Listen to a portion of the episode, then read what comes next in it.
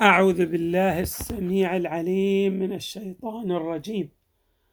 بسم الله الرحمن الرحيم والحمد لله رب العالمين. والصلاة والسلام على أشرف الخلق سيدنا ونبينا محمد وآله أجمعين الطيبين الطاهرين. قال الله تبارك وتعالى وما يعلم تأويله إلا الله.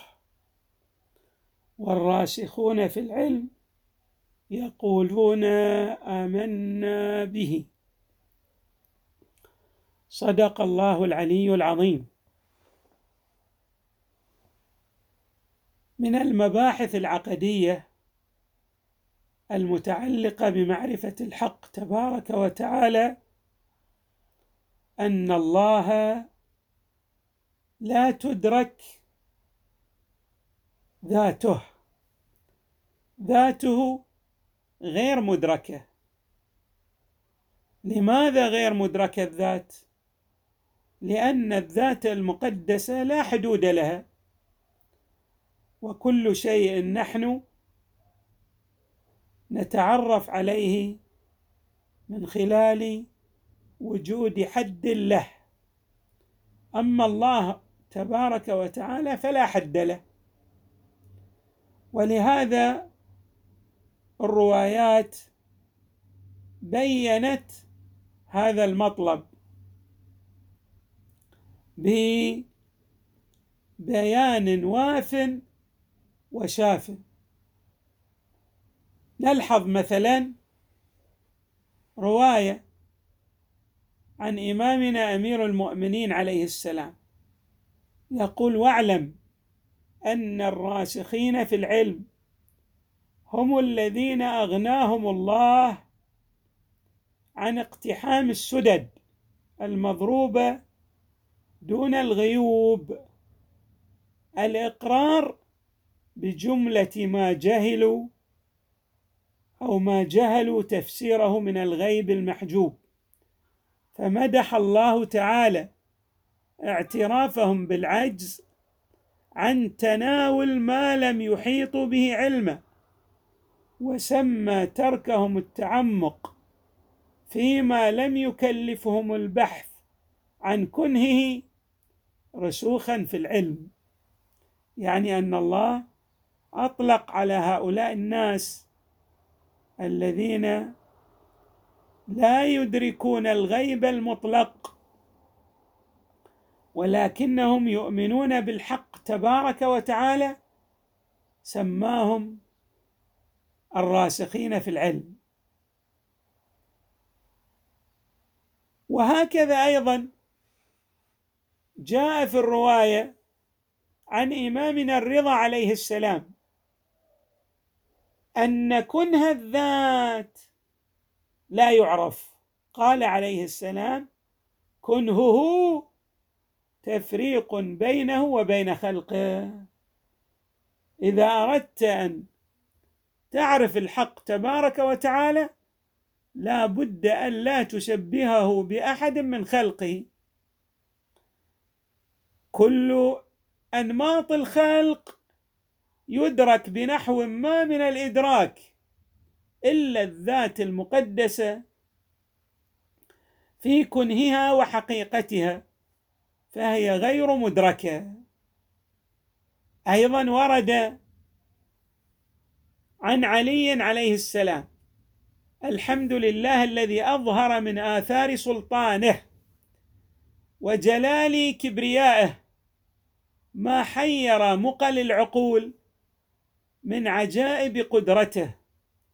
وردع خطرات حماهم النفوس عن عرفان كنه صفته. تعابير غاية في الدقة. يعني نحن نثني على الله تبارك وتعالى المتصف بالجمال المطلق الذي أظهر لنا آثار سلطانه. هو السلطان المطلق. وأفصح لنا عن جلال كبريائه بما حير عقولنا. عن أن تدرك يقول مقل العقول يعني البصائر للعقول. مقل العقول المقل هي العيون عيون العقل بصائر العقل. مقل العقول من عجائب قدرته وأيضا خطر وأيضا ردع خطرات هماهم النفوس. كل جميع ما تهم به النفس لا يمكن أن يصل إلى إدراك حقانية معرفة كنه الصفة الصفة الذاتية لله كعلمه تبارك وتعالى وقدرته وحياته. حياته علمه قدرته هذه صفات لا يمكن أن تدرك بالكنه لأنها عين الذات. لاحظوا أيضا هذا التعبير الجميل الذي يقرب لنا الفكرة الوارد في رواية عن إمامنا زين العابدين عليه السلام. الإمام زين العابدين عندما يقرأ هذه الآية وإن تعدوا نعمة الله لا تحصوها يعلق عليها بالتعليق التالي. يقول سبحان من لم يجعل في أحد سبحان من لم يجعل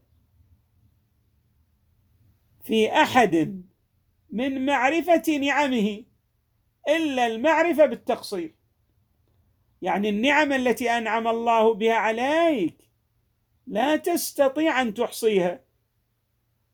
فإذا أردت أن تثني على الله غاية الثناء على الله أن تدرك أنك لا تستطيع إحصاء هذه النعم. سبحان من لم يجعل في أحد من معرفة نعمه إلا المعرفة بالتقصير عن معرفتها. ثم يقول الإمام عليه السلام كما لم يجعل في أحد من معرفة إدراكه يعني إدراك الذات إدراك الكن إدراك حقيقة ذات الباري تبارك وتعالى. أكثر من العلم بأنه لا يدركه. الله فطر وجودك فطر وجودك وجعلك تدرك أنك لا تحيط علما بالذات المقدسة لأنها هي المحيطة بكل شيء ولا يحيط بها شيء ولا يحيطون به علما كما جاء في القرآن الكريم. ثم يقول الإمام فشكر الله عز وجل معرفة العارفين بالتقصير عن معرفته وجعل معرفتهم بالتقصير شكرا. يعني الله تبارك وتعالى يثني على هؤلاء الذين يدركون أنهم لا يستطيعون أن يحصوا النعم التي أعطاهم الله إياها.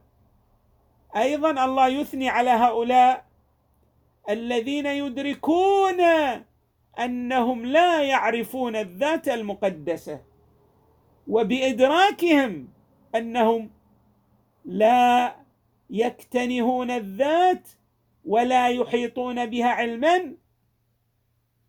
يجعل هؤلاء المؤمنين الذين يصدقون بوجوده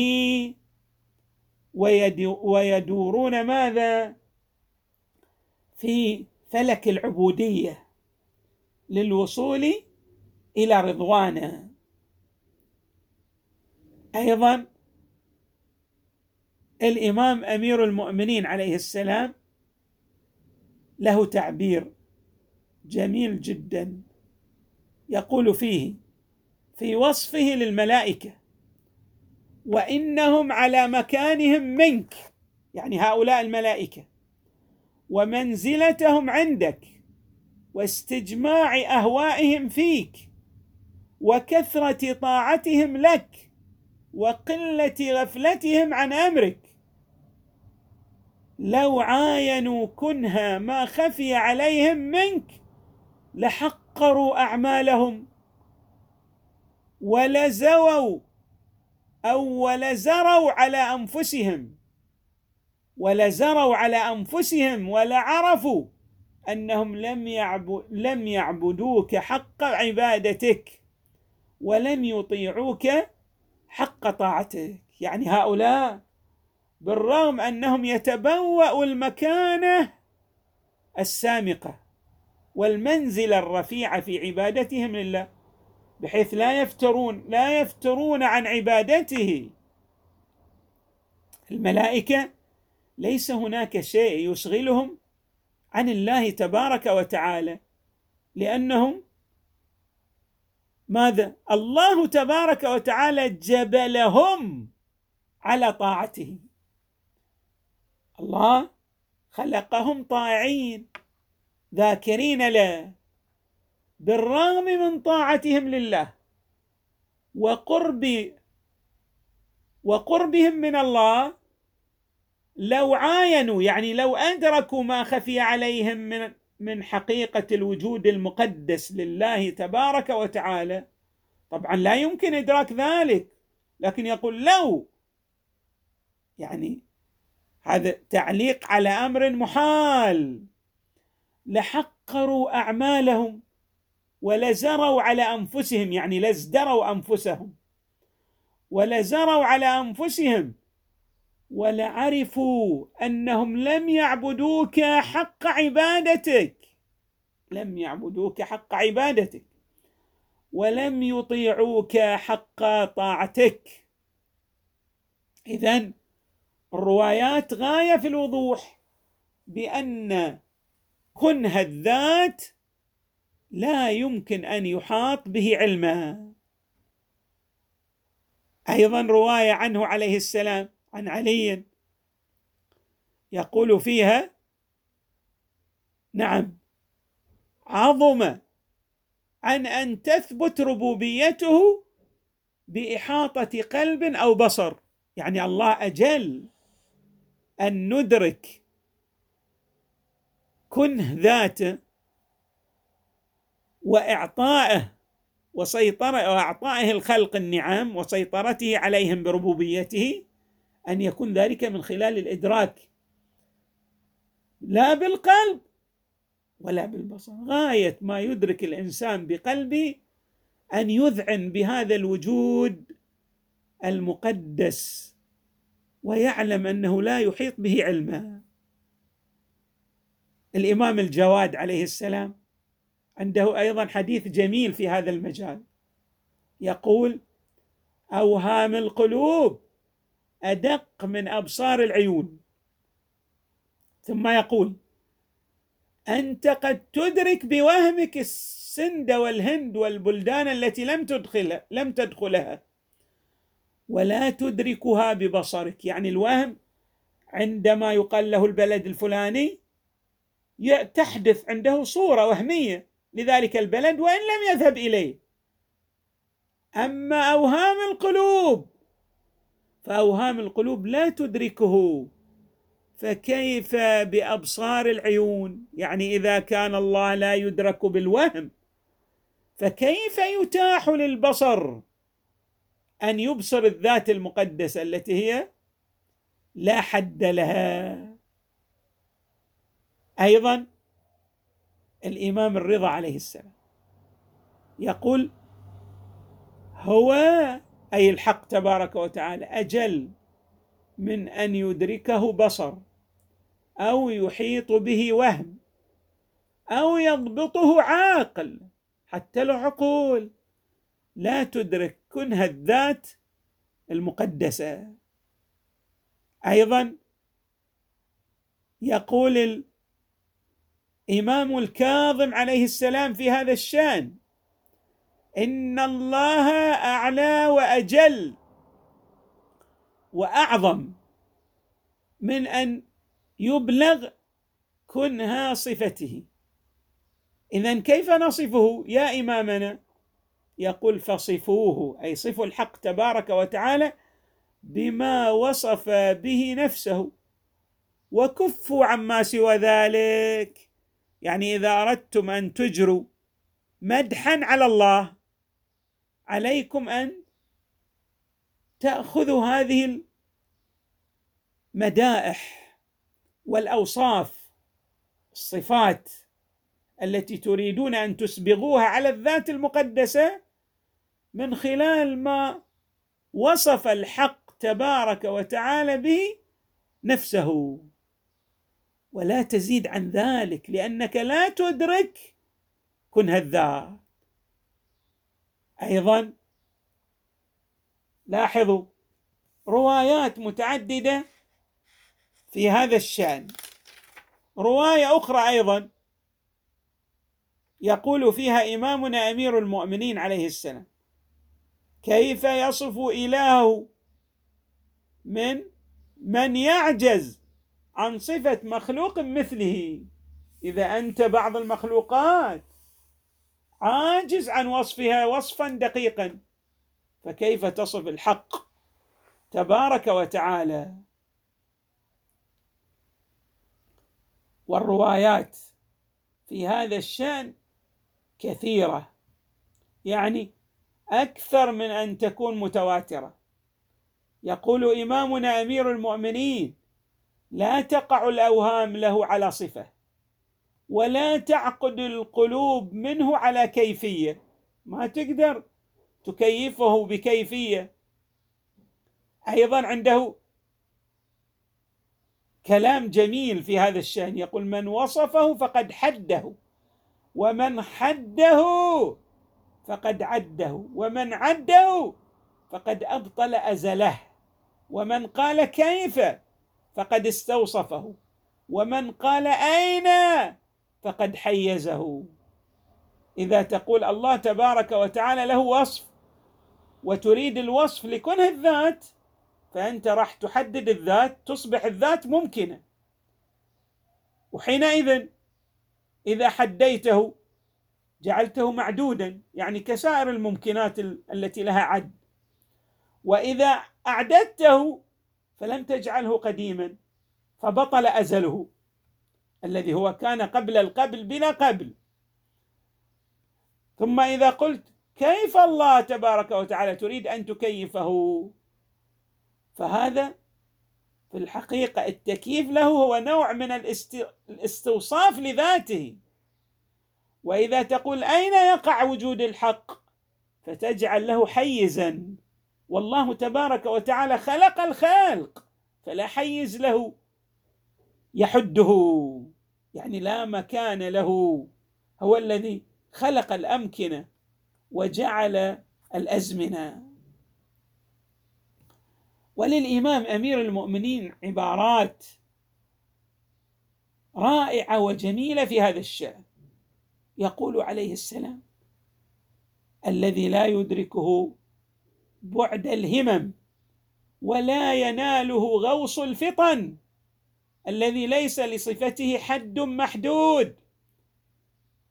من جهله فقد أشار إليه. هؤلاء الذين يقولون الله مثلا في المكان الفلاني هذا عن جهل لأن الله وهو معكم أينما كنتم لا مكان له. لأنه إذا كان له مكان فهو قبل ذلك المكان مخلوق له.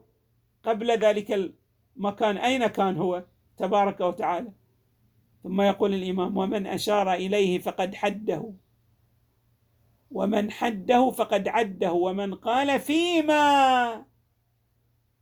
أين أين الله؟ تبارك وتعالى فقد ضم ضمنه.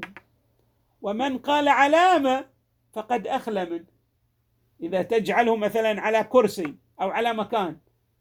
ولهذا قوله تعالى الرحمن على العرش استوى بمعنى استولى وهيمن وليس بمعنى هناك كرسي يجلس عليه الحق تبارك وتعالى.